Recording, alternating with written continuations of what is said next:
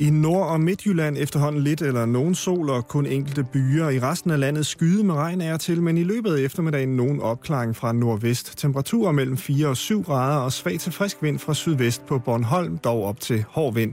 Nu sender vi kollektionen, hvor Nils Pedersen ser tilbage på modeåret 2012.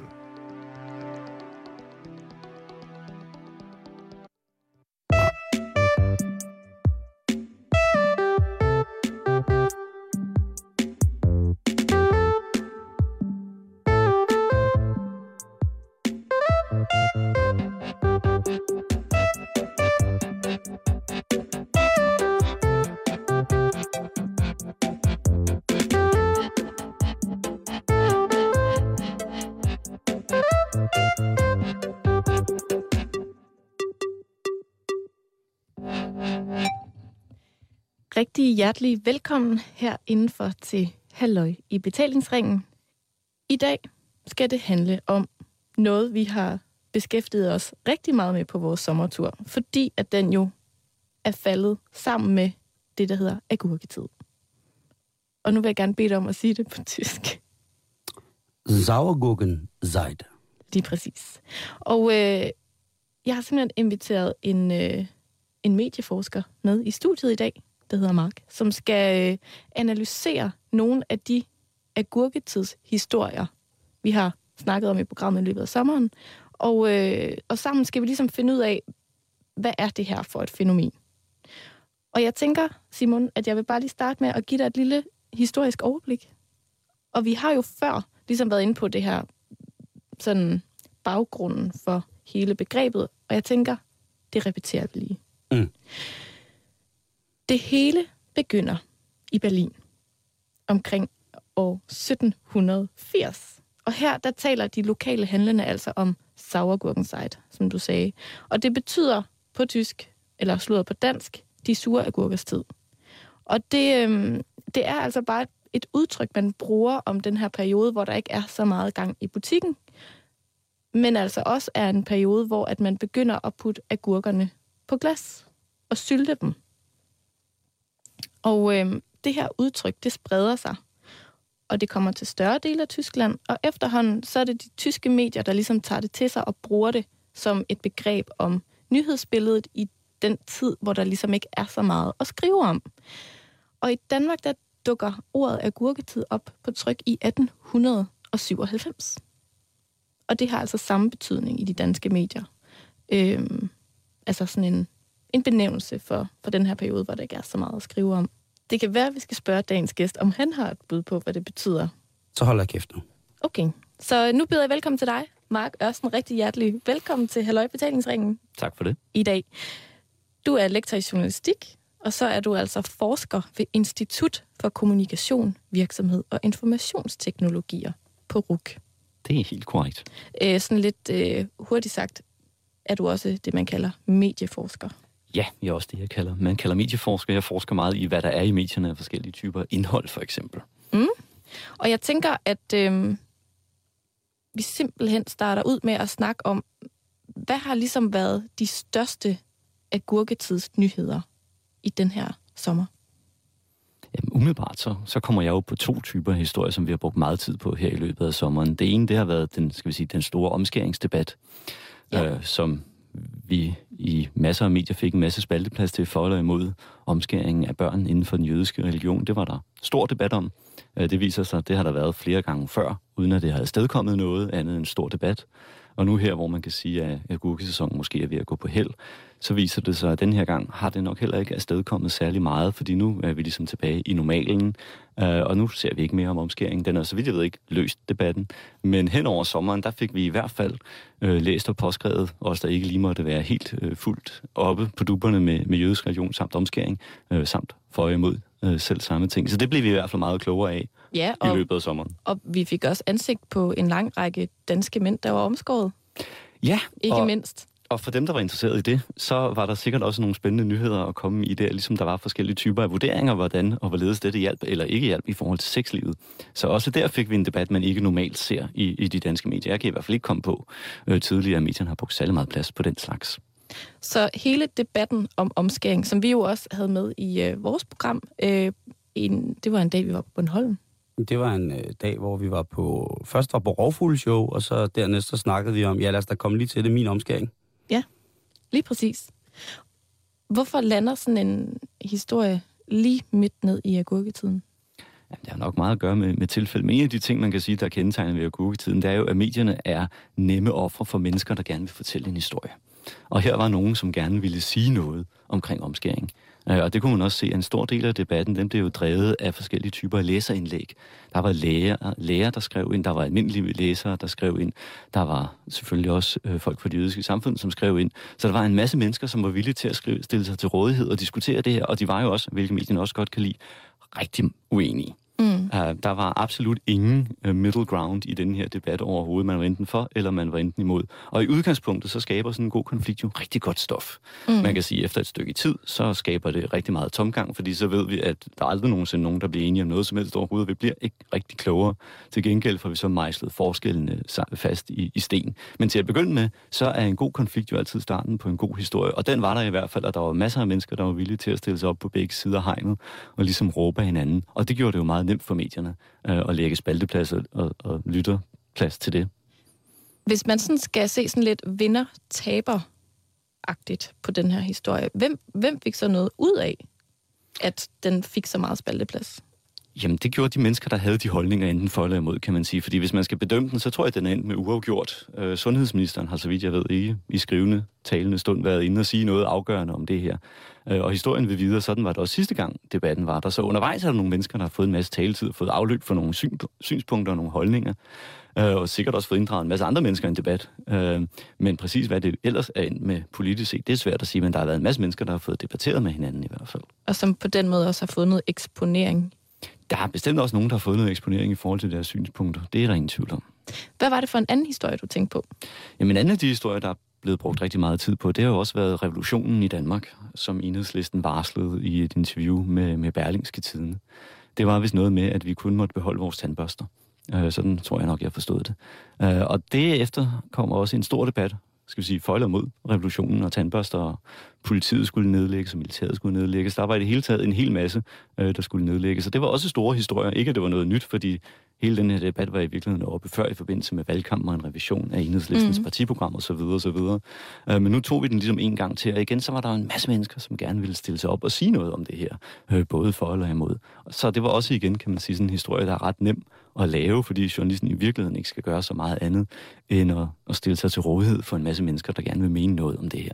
Så det er en historie, hvor det er ret givet på forhånd, hvad der ligesom skal stå Det er det jo blandt andet, i fordi artiklerne og i og hvad der skal ske i tv-indslagene og så videre. Altså det, er det sådan lidt venstrehåndsarbejde, eller hvad skal man kalde det? Men Det kan man sige, fordi his- historien havde jo været oppe før, og der kom jo ikke noget nyt frem i det, kan man sige. Det endte også, kan man sige, med det samme som det endte sidste gang, at det her partiprogram, hvor der jo givetvis står de her ting, det skal revideres. Øh, men det skulle det sådan set også før historierne startede. Så igen har vi haft en stor debat, som egentlig ikke har flyttet særlig meget. Måske har den flyttet et par stemmer fra enhedslisten til Socialdemokraterne i de seneste meningsmålinger, men ellers så er det svært at se, at den igen skulle have haft en stor revolutionerende effekt øh, på det danske samfund, men den har i hvert fald fået utrolig god taletid. Mm. Det her med sådan at kunne udnytte agurketiden, og ligesom tænke, okay, det, de næste par måneder, eller den næste måneds tid, så er der bare nogle sultne journalister, der rigtig gerne vil have noget at skrive om. Det har Dansk Folkeparti jo været, altså i hvert fald blandt journalister, været meget kendte for at være rigtig, rigtig gode til at udnytte.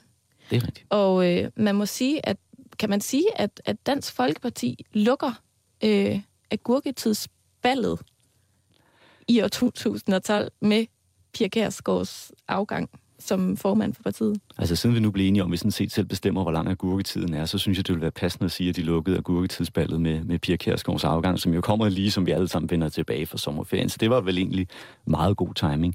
Øh, og det er rigtigt, at rygtet har altid kørt om, at, Dansk Folkeparti var bedre til det. Man kan sige, det er også en gammel historie, for Dansk Folkeparti var også de første, der mødte op på, om søndagen øh, på Christiansborg for at skrive pressemeddelelser, som så kunne starte, skal vi sige, mediernes dagsorden om mandagen. Så de har en lang tradition for at være hårdt arbejdende og benytte de her tomrum. Øh, og man kan jo også lidt undre sig over, at det er stadigvæk mest af dem, der, der husker at gøre det her, men de er i hvert fald rigtig gode til det. Og man må sige, at der er blevet snakket og skrevet og snakket og skrevet og snakket og skrevet om Pia Kærsgaard Det den man sidste sige. uges tid. Man skulle næsten tro, hun var død. Ja, det var lige før, det var en statsmands begravelse. Er, og er man ikke sikker på, at en- hun ikke er død? Jeg er temmelig sikker. Okay. Jeg skulle bare lige tjekke. Ja, det tror jeg. Nå, men Mark, jeg har jo også inviteret dig i studiet i dag, fordi at øh, jeg rigtig godt kunne tænke mig at, øh, at bruge dig som en slags ekspert på nogle af de agurketidshistorier, Simon og jeg har snakket om i løbet af sommeren. Yes. Og øh, jeg synes simpelthen bare, at vi skal gå i gang. Og den første historie øh, er en, jeg fandt på øh, forsiden af Berlingskes webavis, inde på www.b.dk. Og den er fra øh, 2. juli 2012. Og øh, overskriften er, derfor smager tomater af pap. Ja. Og øh, jeg synes bare, vi skal høre den, og så, øh, så snakker vi om den bagefter. Vi starter faktisk et sted, og jeg ved ikke, om du kan huske det, men øh, vi breakede en lignende historie i programmet øh, for en måneds tid siden. Øh, det skal handle om tomater, Simon. Det siger du ikke, Karen. Det skal handle om, at der endnu engang er gjort øh, en opdagelse inden for øh, videnskaben, øh, inden for tomatplanten. Øh, planten. Hold. Hvis jeg ikke tager meget fejl, så var det, at hvad hedder det, øh, der var en, øh, hvad hedder det, en forsker, som havde færdiggjort over en lang årrække et det fuldstændig, taget 12 år, tror jeg. det der hedder en gene map, altså en gen, øh, fuldstændig, fuldstændig optegnelse af tomaters gener, hvordan de var lavet. Han havde kortlagt, jeg tror, det var ni forskellige øh, sorter inden for øh, tomaters gener. Men det er lidt noget andet, vi skal ind på nu. Nå, men bare det har noget med tomater at gøre, Det har noget jeg. med tomater at gøre. Det er jeg meget glad for, nemlig. Jeg læser højt. Ja, endelig. Derfor smager tomater af pap. Så lukker jeg lige øjnene og forestiller mig, at de... Hvad for noget? det er fandme dumt. Og vi er på Berlingskes øh, hjemmeside. Så er det godt. Ja, ja. ja så er det godt. Så ved man ligesom, at det er vigtigt. Så er der noget ved det. Derfor smager tomater af pap. Mm. Amerikanske forskere har identificeret årsagen til, at supermarkedets Må jeg gætte? tomater ikke smager så godt, som da du var barn. Jeg tænker, at man skal huske at tage emballagen af, inden man spiser dem. Man skal bare lade være at spise pappet. Ja. Øh, du er meget tæt på. øh, jeg, jeg synes, det her er meget godt skrevet, så jeg vil gerne lige læse det højt. Fedt. Og især fordi, at du jo er lidt ældre end mig, så jeg tænker, at du kan bedre relatere til det her, end jeg kan. Åh, oh, altså, ja. Du husker sikkert godt, hvordan tomater smagte og lugtede før i tiden. Det var dengang, man købte tomater i forskellige former og farver, og fik dem udleveret i en papirspose, der var lukket ved at krølle posen sammen mm. i toppen. Sådan er det ikke mere. Supermarkedernes behov for seværdige tomater har igennem de sidste 70 år... det er jo 70 år siden, du var barn Ja, det er tæt på, ikke? til en større ensartethed i vores købetomater. De er lige store, lige modne, lige røde og smager lige meget af pap. Desuden er de pakket ind i plastik og ligger i en plastikbakke. Det lyder som en der var altid sol om sommeren, da jeg var barn historie, men det er det ikke. Det var der. Et internationalt forskningshold fra University of California har nemlig identificeret genet, der ligger bag tabet af den gode smag. Nå, for satan. Og grunden til det så er åbenbart, at alle tomater smager pap nu. Jeg har ikke lagt mærke til det, men jeg er da glad for, at der er nogen, der har fundet ud af, hvorfor. Spiste vi ikke tomater til frokost? Jo, De smagte godt. de smager faktisk meget godt. Men man har altså fundet frem til et gen i øh, tomatplanter, som har ansvaret for, for den her øh, specielle øh, papsmag. Derfor smager tomater af pap. Det her det var et lille lydklip fra, da Simon og jeg vi sendte direkte fra Roskilde Festival den 2. juli. Mark, hvorfor finder vi den her historie på forsiden af Berlingskes netavis? Ja, det er jo det, vi forskere godt kan lide at kalde for et utroligt godt spørgsmål. Øhm, jamen, der findes jo generelt noget, der hedder nyhedskriterier, kan man sige, hvis vi nu skal angribe det sådan lidt forskningsagtigt, og sige, at normalt så er der nogle grunde til, at journalister vælger forskellige typer nyheder, gennem de mange forskellige former for nyheder, de nu engang har, oplysninger, de har at vælge imellem.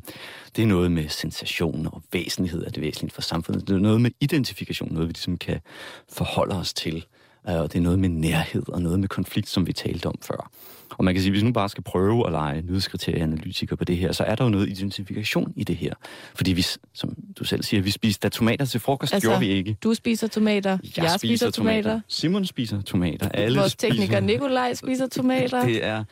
Ikke? Altså, så midt i agurketiden, så er der plads til en tomathistorie for nu at blive helt frugtagtig, og det er jo fordi, det er noget, sommersalater og tomater osv. Så, så, videre, ikke? så man kan sige, at på en eller anden måde, så er, er tomater noget, folk forholder sig til om sommeren, hvis nu skal prøve at være sådan lidt øh, analytiske på det. Så det er jo, det er jo noget, det er noget alle mulige... Altså ligesom man altid kan skrive gode historier om vejret i Danmark, ikke? så kan man også skrive gode historier om sæsonens grøntsager og frugter og sådan noget. Så det, det kan man sige, det er derfor, man blandt mm. andet har valgt det.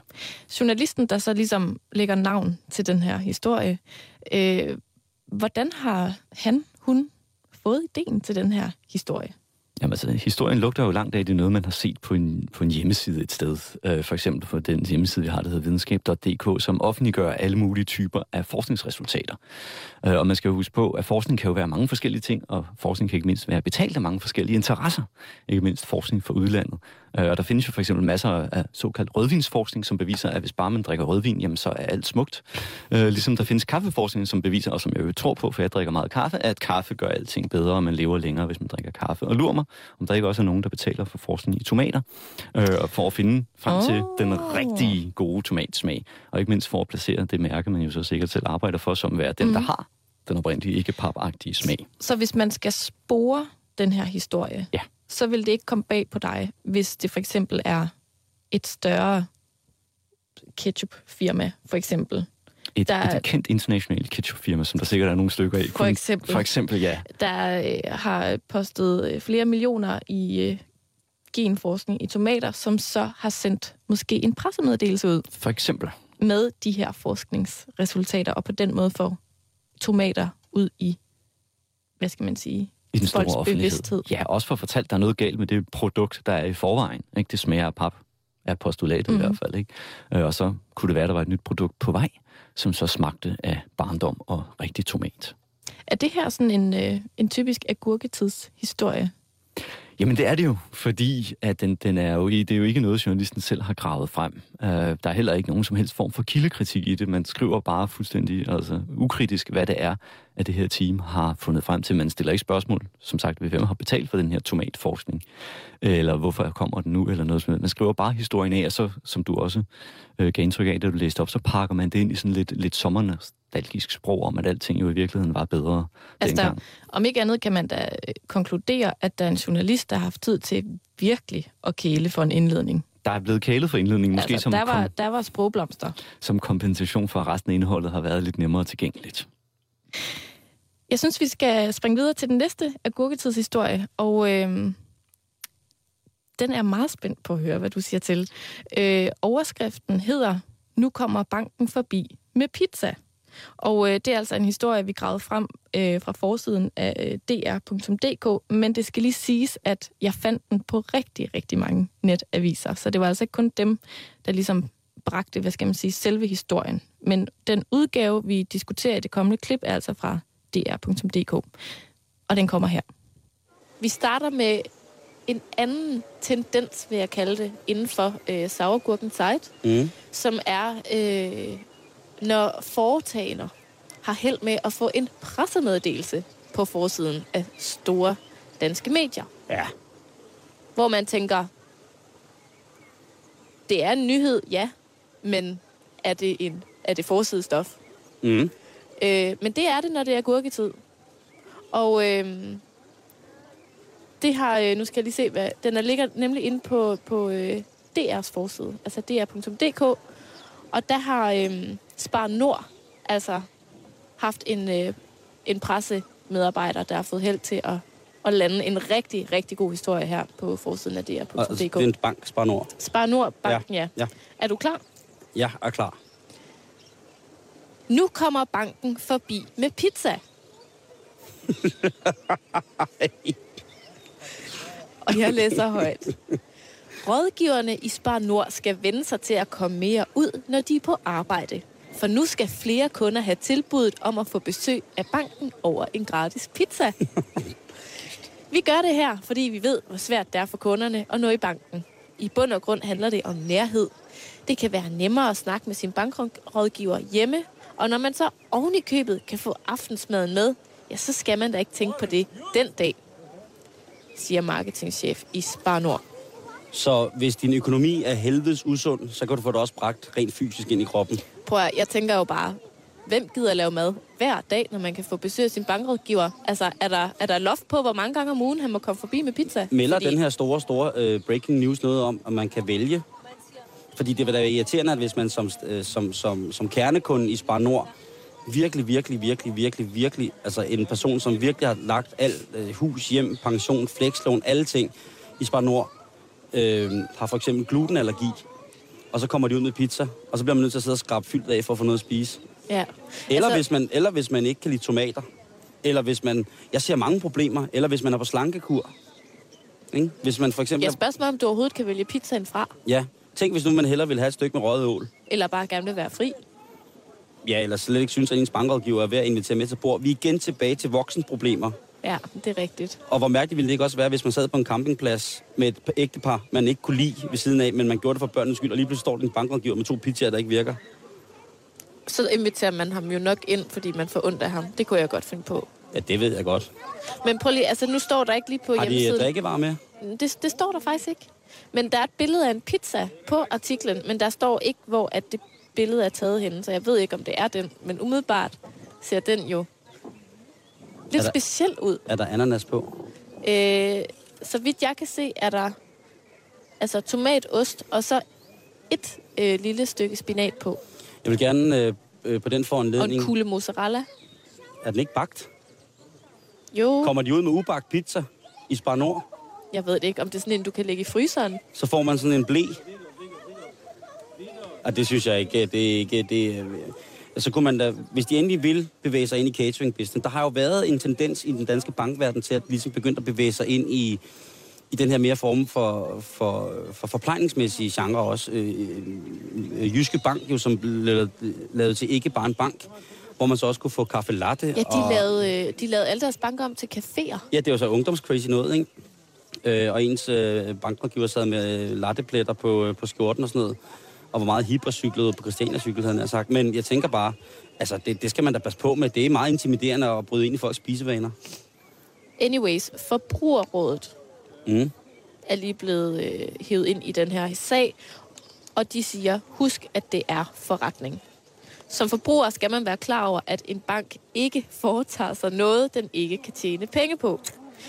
Men de synes altså, det er et sjovt tiltag, og det bliver interessant at se, hvor mange der rent faktisk vil benytte sig af sådan en date med sin bankrådgiver. Hvor lang tid kører det her? Fordi det er jo... Altså, Jamen altså, der står her, at øh, Spar Nord har haft forsøg med takeaway og rådgivning i otte filialer, og nu bliver det så altså udbredt. Men hvor lang tid? Fordi jeg tænker, i den her periode, hvor folk er, ikke er hjemme, altså hvorfor alle folk er på ferie, så er det langt at køre med en pizza. Og man vil jo også gerne spise den varm.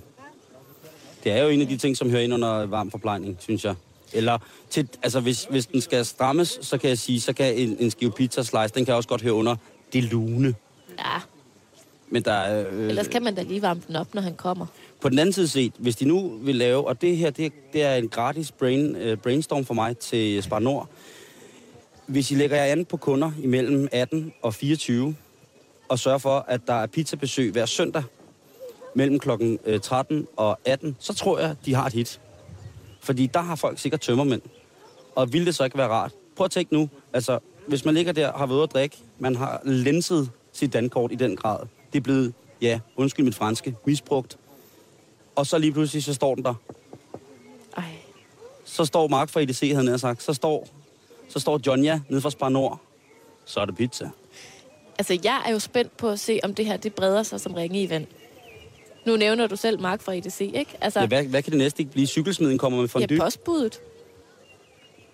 Her Ja. har du lige... Post, ja, po, Hvad jamen, kunne han tage med? jamen, postbud kommer med kringle. Cykelsmeden fondue. Øh, diverse budservicer dukker op med alt muligt andet. Jeg synes, det, jeg synes øh, måske er jeg ikke så skeptisk, øh, men jeg vil ikke, øh, altså, jeg synes, det ville være mærkeligt, hvis mit pengeinstitut begyndte at komme med mad til mig. Altså spørgsmålet er, om øh, det ikke lige præcis er et sats på den målgruppe, som du omtalte før. Om det er de unge, eller måske de ældre. Jeg ved det ikke. Jeg er kunde i en anden bank, og jeg tænker, kan jeg som potentielt ny kunde også få pizza?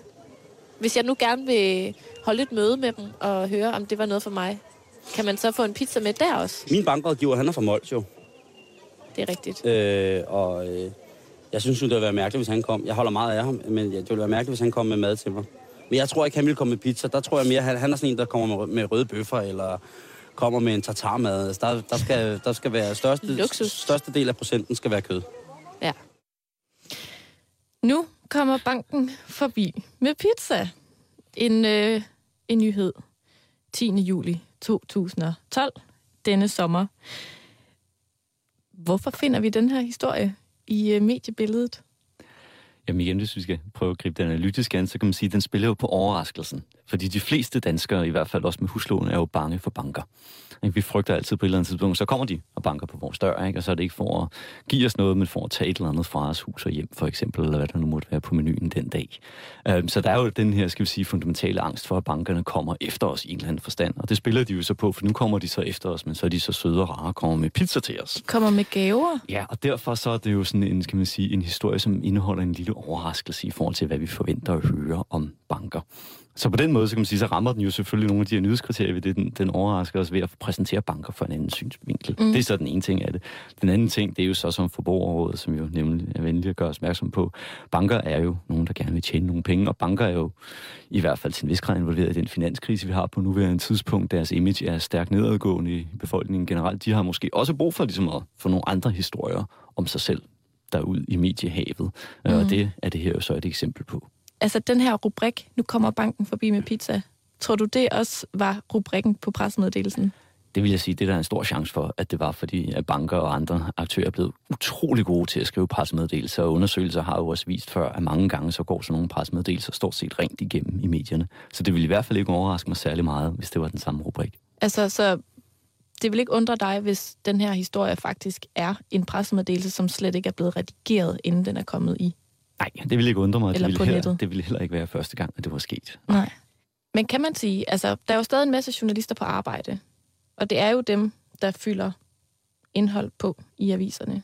Hvad, øh, tror du, tror du den her agurketid, er, er den for evigt? Eller er der nogen, der bryder vanen på et tidspunkt? Man kunne håbe, der var nogen, der satte sig for bevidst at bryde vanen på et tidspunkt og sige, det her, det var et, ligesom Dansk Folkeparti altid har gjort, det kan sige, det her, det er et rigtig tid, excellent tidspunkt for at få nogle af de sager, som vi som journalister brænder for, og som der aldrig er plads til til hverdagen, når vi præsenterer dem for redaktøren, fordi vi altid lige skal skrive om, hvad der foregår på Christiansborg. Så nu er der mulighed for, for journalisterne at dyrke, skal vi sige, nogle af deres passioner, og så skrive nogle af de ting, der ikke er plads til til hverdagen. Det kunne da være en god idé.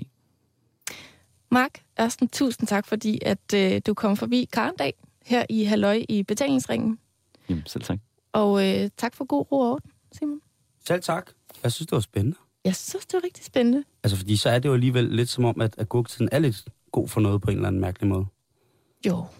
Altså, om ikke andet har vi haft det ret sjovt med at finde gode agurketidshistorier i løbet af sommeren. Og man, man vil jo også visne indeni, hvis det varede bare en uge længere, ikke?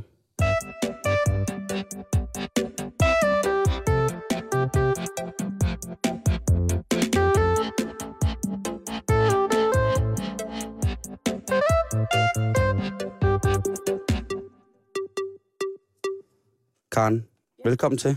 Tak skal du have, Simon. Du skulle lige uh, hjælpe vores gæst på plads. Vi har simpelthen fået så helt fantastisk fint besøg i dag. Ja, det synes jeg nu også, at vi må have lov til at, at, at sige. Og, og faktisk, selvom at du tidligere i dag har komplimenteret mit tøj, fordi jeg har taget kjole på i dag, Ja, det sker sjældent. så må jeg indrømme, at jeg det sidste kvarter har følt mig i den grad underdressed. Ja, men det tror jeg er svært ikke at gøre i, i selskab med, med vores gæst i dag. Har du det på samme måde? Ja, fuldstændig. Jeg har lyst til at have kjole på. Jeg kan Det- godt se det på dig. Det, ja. uh, det klør. Ja, der, øh, der øh, jeg ved ikke, om det klør, Karen, men Eller altså, det, det er jo noget mærkeligt noget at sige, men, øh, men lysten er der. Et eller andet sted. Ja. Og med det, så vil jeg da starte med at byde velkommen til vores, øh, vores gæst i dag, Det lyder dejligt. som er Ole Santos. Tak. Hej, velkommen til. Tusind tak. Og øh, det er dig, der har kjole på, Ole. Fuldstændig korrekt. Også i den grad. Ja, det må man sige. Øh, Lad mig beskrive for lytterne, hvad det er for en kjole. Det er jo en, øh, en, en sommerkjole øh, med øh, i- i sådan med mest positiv øh, accent, så vil det være min barndomsfarver. Det er en bordeaux lilla, en brun og en let gul. Øh, og så er der altså et halssmykke i, er det træ? Ja, Og- det er det. er. Træperler. Jeg tror, det er kinesiske børnearbejdere, der har haft gang i den. Øh, Og så er det for, bedst beskrevet som Yvonne. og om øh, højre arm, altså øh, perler, så hele det polynesiske perledykkermiljø ville være blevet frelst. Ja. øh, ved netop køb af blot den ene perlekæde. Netop. Og så øjenvipper på længde med øh, modne sommersquash. Ja. Sådan 18-19 cm. Fuldstændig korrekt. og så glimmer. Øh, og så bliver jeg nødt til at spørge, skal man, øh, hedder du også Ole, når du har kjole på? Nej, det gør jeg ikke. Hvad hedder du så nu? I dag er jeg fru Santos. Fru Santos, Ja, jeg er lige blevet gift, så jeg må kalde mig fru Santos i dag. Tillykke med det. Tak. tillykke med det. Øh, lige nu har du så også smidt på ryggen. Ja.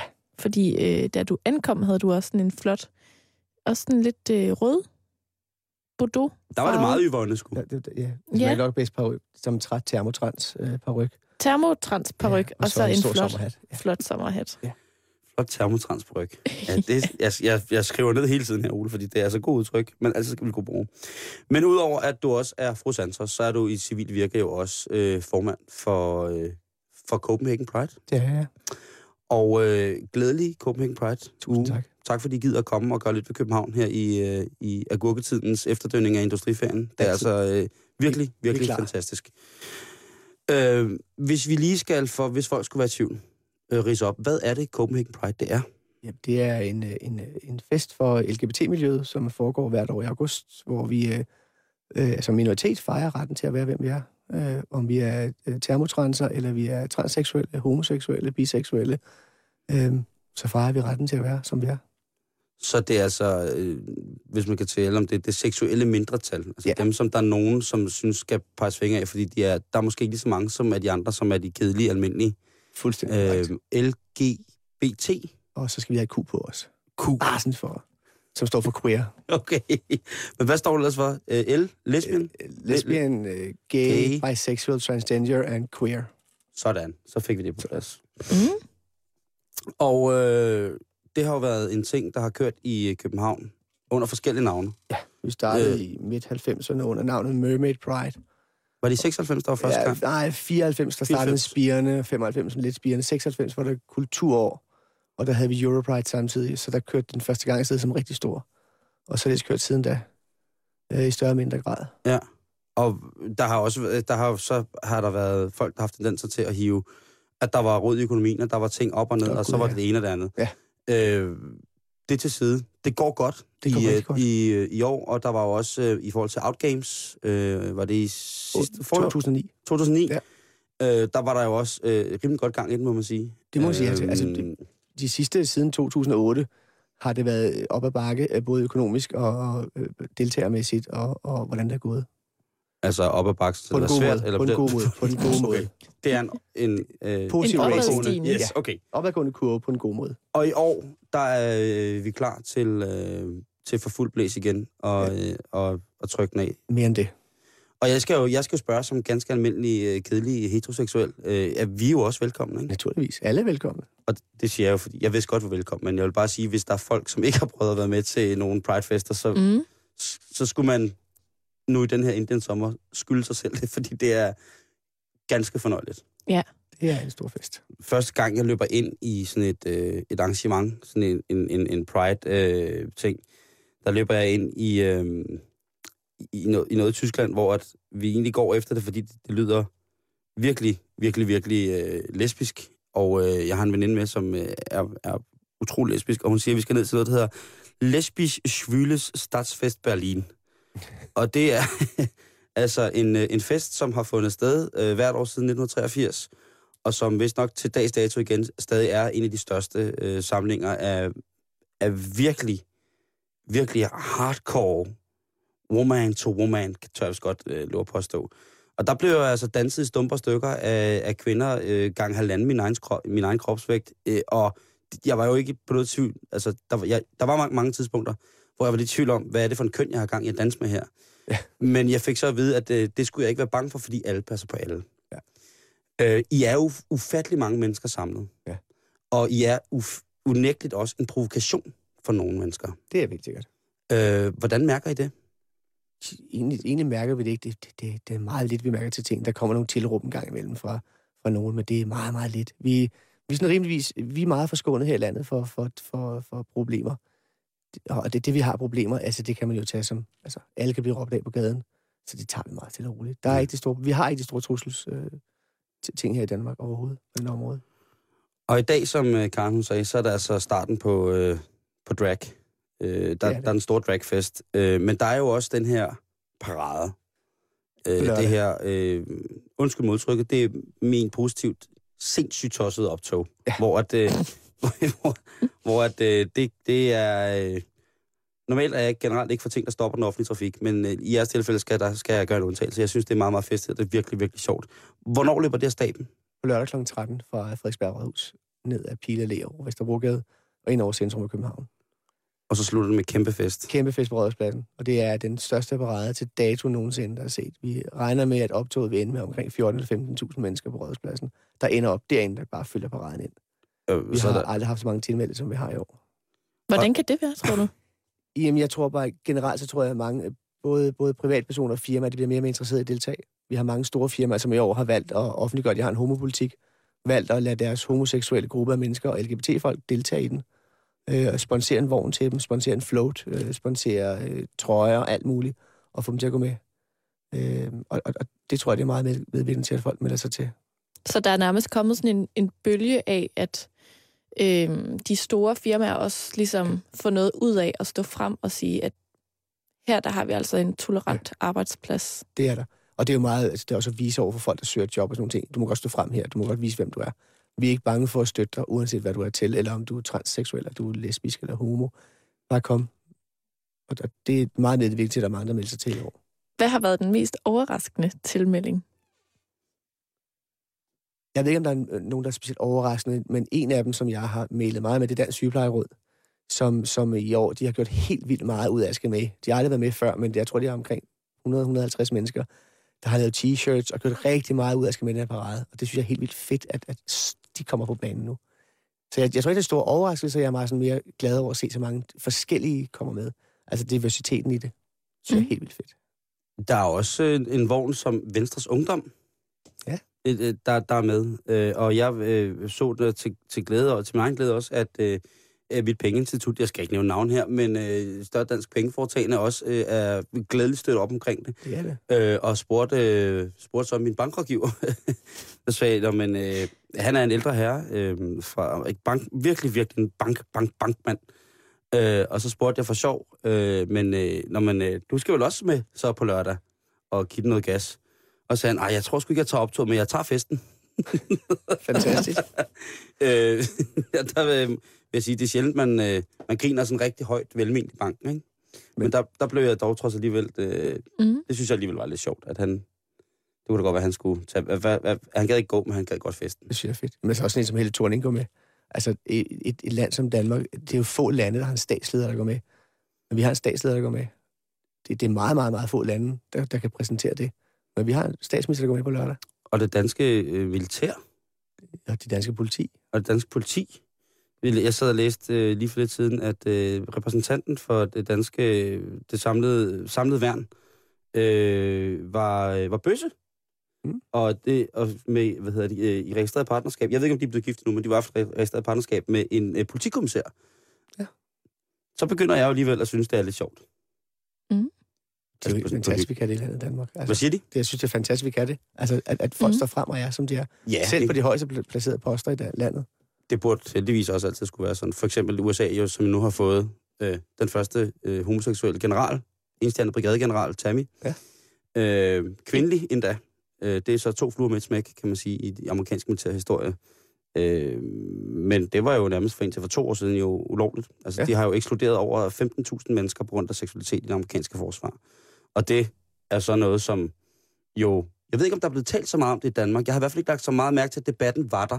Men det har det nu øh, helt sikkert været, ikke? Men øh, hvor, hvor det er, at jamen, de samlede værn står frem og siger, prøv at høre, vi er også med her. Det, det betyder altså ikke, at man ikke kan forsvare sit land, eller opretholde, øh, opretholde lov og orden. Mm. Øh, Mm. det skal din seksualitet ikke blandes ind i. Overhovedet ikke. Men, men det, det, danske militær har jo deltaget i mange år. Mm. Rigtig mange år har vi haft danske militær med. Oplever I nogle gange, at der internt i øh, det homoseksuelle miljø er noget modstand i forhold til det her opstå og den her fest? der er altid nogen, der, der, der, der er en lille gruppe af mennesker, som altid synes, det, at det bliver for kommercielt, og der vil være modstand af priden og alle de her ting. Det vil det altid være. Men, men vi, det lykkedes os over de sidste par år at samle de fleste af dem. Der er stadigvæk en lille bit, bit, bitte gruppe, som, som synes, det er frygteligt, og vi lader det gøre homoseksuelle, men det, det, det er en meget lille gruppe. Ellers er alle sådan hoppet med på vognen og synes, det er egentlig ret fedt, fordi vi, vi, vi har spredt os meget vidt og, og prøvet at fagne alle, alle minoriteter inden for vores egen række også, og få dem til at udtrykke sig, hvorfor de synes, det er fedt at være med, eller hvorfor de, hvad de gerne vil have lov at sige. Og, og så vi lægger platform til alle de her diversiteter, der er i vores eget miljø. Og, og det har hjulpet meget på, at vi alle sammen står sammen nu. Mm, men hvad er det for eksempel for en kritik, de kommer med? Altså, hvad er Jamen, det, det er de er meget utilfredse med? på, at, at Prime bliver for kommersiel. Vi tillader, vi tillader at, at de her store firmaer deltager og sådan nogle ting. Men de store firmaer, de, de bidrager økonomisk til, at vi kan holde festen. Og de skal offentliggøre, at de har en homopolitik. Og når de gør det, jamen, så har de også en mening med at være med. Så er det ikke bare, at de kommer og siger, at vi har et eller andet brand her, vi gerne vil have, have markedsført. Nej, de har faktisk en politik omkring homoseksuelle. Og det forlanger vi fra Pride's side af, at, at de skal have. Og, og det har hjulpet meget på folk at tænke, om så er det også måske okay, fordi så, så er det ikke bare et, et brand, der skal markedsføres, det er også en politik, de har. På vores øh, programs Facebook-hjemmeside, øh, betal, øh, facebook.com, øh, der kan du se indslaget fra IBM's øh, vogn øh, sidste år til, til Brighton. Ja. Og man kan også se et billede øh, af mig, Ole. Ja. Øh, i, øh, i, jeg, jeg, vil- jeg vil lige komme over og vise dig billedet, for jeg har det faktisk her. Og, øh, og, og, og jeg ved ikke rigtigt, Karl og mig, vi har talt lidt om det der med, hvornår er man drag? Og, øh, og øh, jeg vil jo bare sige på den måde, jeg har altid elsket at klæde mig ud. Altså altid elsket virkelig at, at, at klæde mig ud. Nu kommer jeg lige over til det med billedet. Og, øhm, Lad os se. Der er Sådan. lidt, lidt anisette over ja, er der er lidt? Lidt anisette. og det er, og det, hvad hedder det, det er min, øh, det er DJ Marianne, som, øh, her kan du også se mig, øh, dansende i en, i en øh, der, er, der er sådan en dejlig butik, der hedder Lisi over på Vesterbrogade her i København, som sælger tøj til, til kraftige damer. Og der, øh, der min, øh, min partner in crime, øh, Martin, øh, her øh, bliver han så, så bliver til DJ Kirsten. Så vi er Kirsten og Marianne. Øh, og øh, Marianne Vulkanus her, hun, øh, hun bærer jo altså en netstrømpe og en, øh, en sort denim nederdel, og så sådan har vi de ens trøjer på. Og så er der jo altså en rigtig peruk, og så har vi den her maske på, og øh, blonde handsker. Og vi måtte sande, efter at vi... Øh, det var egentlig første gang, hvor jeg sp- øh, spillede og optrådte i dametøj, at det faktisk er pisse rart at spille i nederdel. Og øh, løse gavanter. Og så, skal man, så vil jeg bare spørge, hvad er det, øh, hvad skal der til, før man er drag? God gang med ikke op et par rykker og en kjole. Og så, øh, ja, fuldstændig. Du kan sagtens gå som drag der. Kunne jeg det? Ja, sagtens. Fedt! Du kommer bare, du du er drag? over, over, over os. Det, det, er jo, det, er jo, det er jo helt fantastisk. At, at, jeg tror også, det der med udstrålingen og glæden ved at gøre det, synes jeg er sjovt. Og det, det er det, der gør til drag.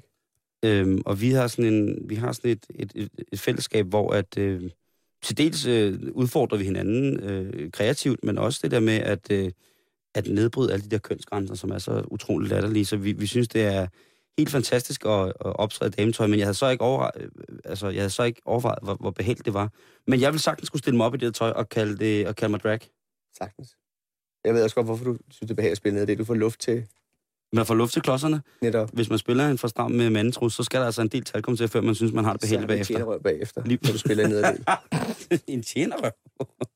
Men øh, ved du hvad, det er jeg bare pisse glad for. Og det, jeg ved jeg også, at min øh, partner, Graham Martin, han vil være rigtig glad for, at vi kan kalde os drags. DJ Drag Marianne nu. Ej, jeg vil ikke kalde det drag, fordi jeg synes, øh, den type er Marianne ikke. Nej, okay. Marianne, hun er mere sådan en, øh, der tager ved og hjælper, når der skal, hvis der skal flyttes, bi, flyttes en bil, eller hvis der skal du ved, laves rigtig meget mad, så kommer Marianne til. Men så også til gengæld, hvis der skal spilles noget rigtig, rigtig tung elektronisk musik, så kommer Marianne også forbi. Og det gør øh, DJ Kirsten for den sags skyld også. Men ikke for moderne øh, elektronisk. Gerne meget moderne, men det skal blandes med 90'er. Ja. Ellers kan vi ikke.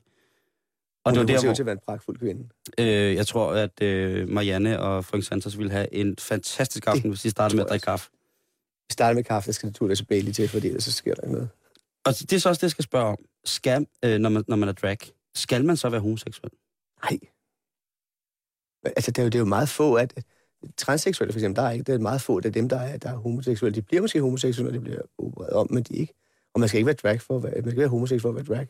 Vi har flere, flere op, øh, hvad hedder det, oplevelser af, at, at, at mænd har helt klasse dametøj bare hoppet rundt og synes, det var sjovt, fordi det var sjovt at være dametøj, ikke fordi det var homoseksuel. Så man, det er ikke nødvendigvis. Øh, det er fordi, at jeg læste en, øh, en artikel med et interview med den engelske stand-up-komiker Eddie Izzard, som jo i mange år har gået efter det voldsomt androgyne udtryk med at have høje hæle på og fuld makeup, men stadig med sit, sit almindelige mandlige hår og, Og så snakkede han meget latent øh, op af det, man ville betegne som en karikeret homoseksuel. Ikke? Ja.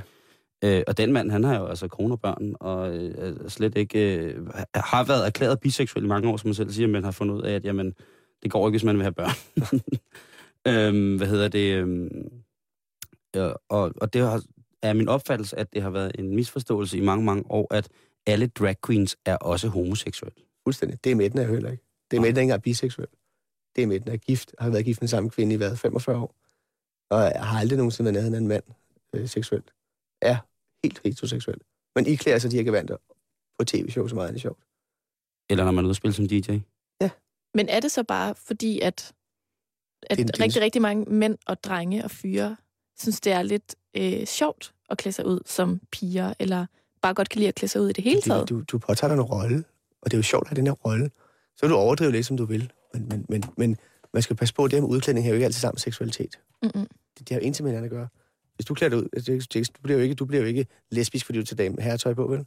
Mm-mm. Altså, det hænger jo ikke altid sammen.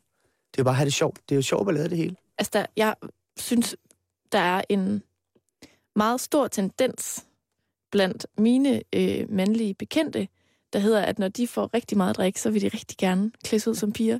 Og de vil rigtig gerne have mascara på, det, og de vil rigtig gerne have sminke på og sådan noget. Og, og, og det er, så vil de gerne låne en kjole og sådan noget. Det, og, det, det, det, det, jeg, var, jeg var til en fest for, Altså. for to år siden, hvor vi skulle lave en prinsessefest, hvor jeg skulle lægge make op på syv drenge. Og jeg sagde til alle syv drenge, som var heteroer, de er erklærede heteroer. Når I får make op på, så bliver I nogle helvedeskællinger, der sidder med løs håndled. Nej, det gjorde de ikke. ja. Så gik det tre kvarter, så sad den første med løs håndled. Yes. To timer senere sad de alle sammen make op på, og så var de de værste kællinger i hele verden. Og de var, der, der var absolut intet homo over dem, men de blev kællinger. Og de synes, det var evigt sjovt, og alle til den her fest var klædt ud. Alle drengene var iklædt prinsessetøj. Alle var prinsesser. Så gjorde jeg det bare ikke. Jeg, gik mig. jeg, var, jeg var slem prinsesse i joggingtøj, i stedet for at tage kjole på. Og alle havde det sjovt. Ja. Der var ikke noget ved det. Vi skete. det Det var ikke seksualitet, det var bare sjovt. Vi kan ikke anbefale nok, vel, Karen? Nej, men det er jo også, altså jeg bliver jo nødt til at, at afsløre, at jeg jo har en meget stor forkærlighed for at klemme ud som mænd. Så jeg kan jo sagtens forstå det. Det er skide sjovt. Det er så sjovt. Altså, jeg har jo introduceret mit altså ego for Simons øh, DJ Marianne øh, tidligere på dagen, fordi at når jeg klemmer ud som en mand, så hedder jeg jo Joachim. Og er sådan lidt en stille og rolig gør det selv fyr. Lidt splejset. Bor alene i et parcelhus. Hygger sig lidt med at, at hjælpe folk, hvis de skal have hængt et eller andet op. Eller sådan noget. Han har i hvert fald altid sin værktøjskasse med. Han så, så utrolig, han lignede sådan en øh, sådan lidt øh, butchet type af Bygman Bob. Vil du, vil du se ham, Ole? Ja, tak. Jeg synes, du okay. skal vise øh, Ole det. Så kan jeg jo lige spørge dig, Ole. Øh, hvordan har din omgivelser reageret på, at du skulle være drag? Det synes jeg, ja, det, det har altid været sjovt. Ja. Det, det har, jeg, har, har haft negativ kommentar. Min, selv da mine forældre levede, synes de, det var fantastisk, når de så det. Øh, jeg har aldrig, aldrig nogensinde haft nogen negativ oplevelse. Jeg har en gang, en eneste gang i mine mange år, har- jeg har glemt, haft en dårlig oplevelse, hvor jeg blev angrebet af, af, af et par, uden, par fyre. Men, men, men ikke, ikke, der skete ikke noget, at, at det var det. Du er jo også en, en mand af en vis størrelse. på Det er det. Måde, ikke? Så, Altså- Men man kommer ikke lige op til mig og truer mig. Nej.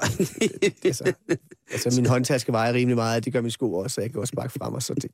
Men, men, men, men jeg har altid haft, det har altid været sjovt, det har altid været, folk har altid godt imod det, så, så jeg har aldrig haft noget negativt ud af det. så, Aldrig. så det er bare om at komme i gang med at klæde sig ud og holde en fest. Altså, kom nu, teaterhjørnet eksisterer, kom i gang med at klæde sig ud.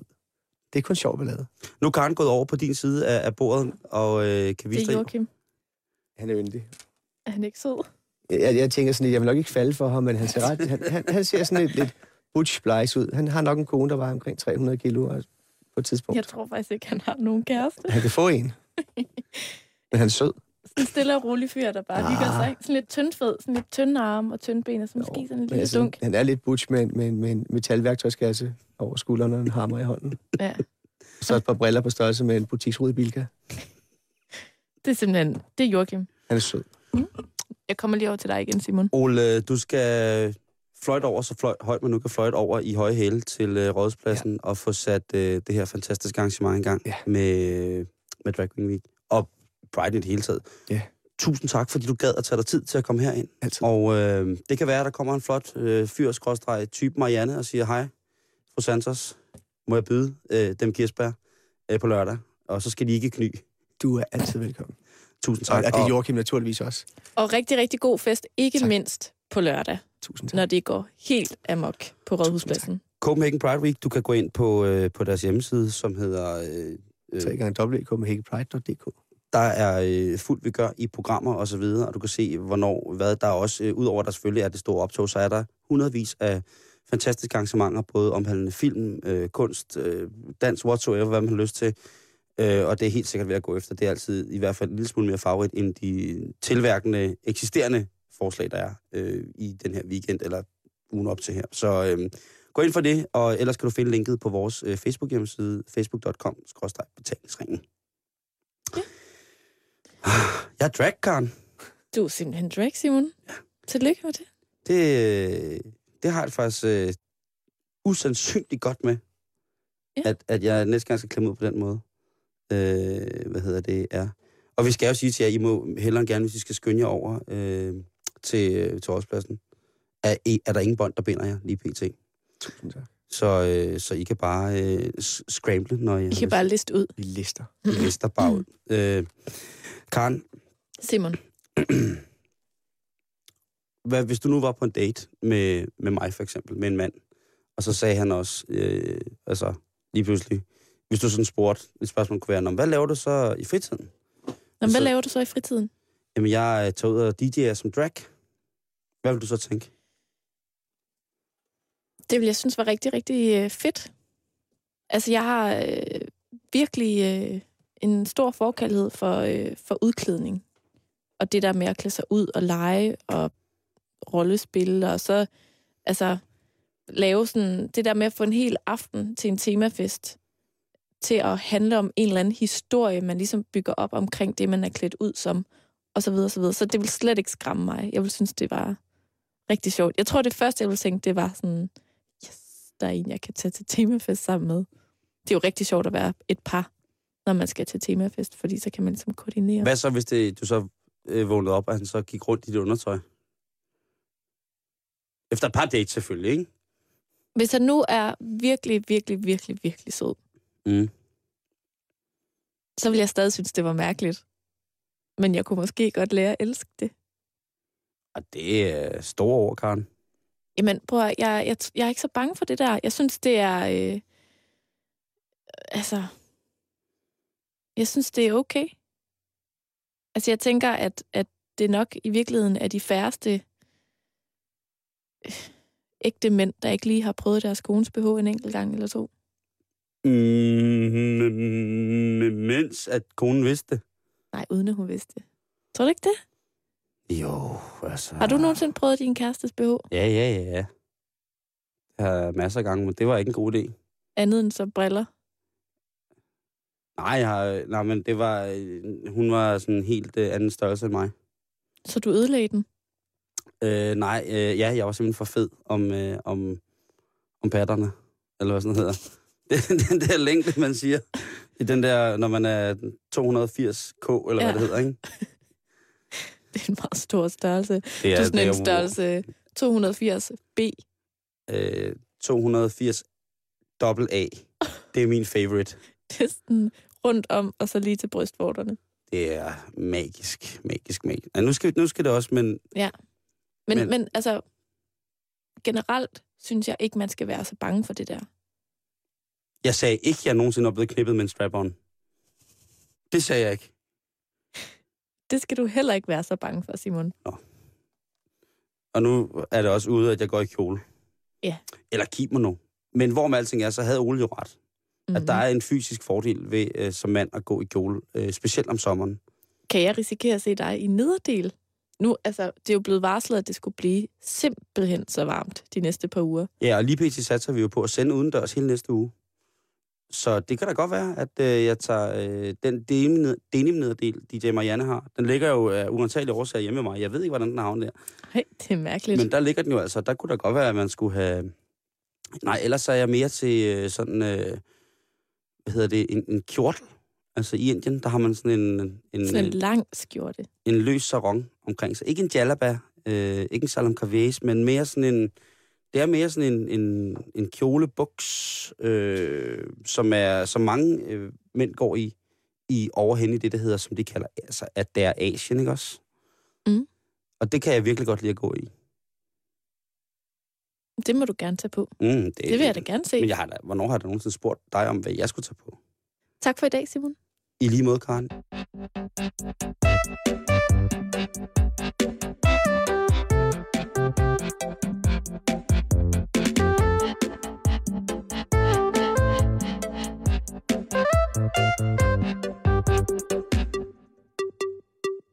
Og det betyder, at der er Radio 24 7 nyheder.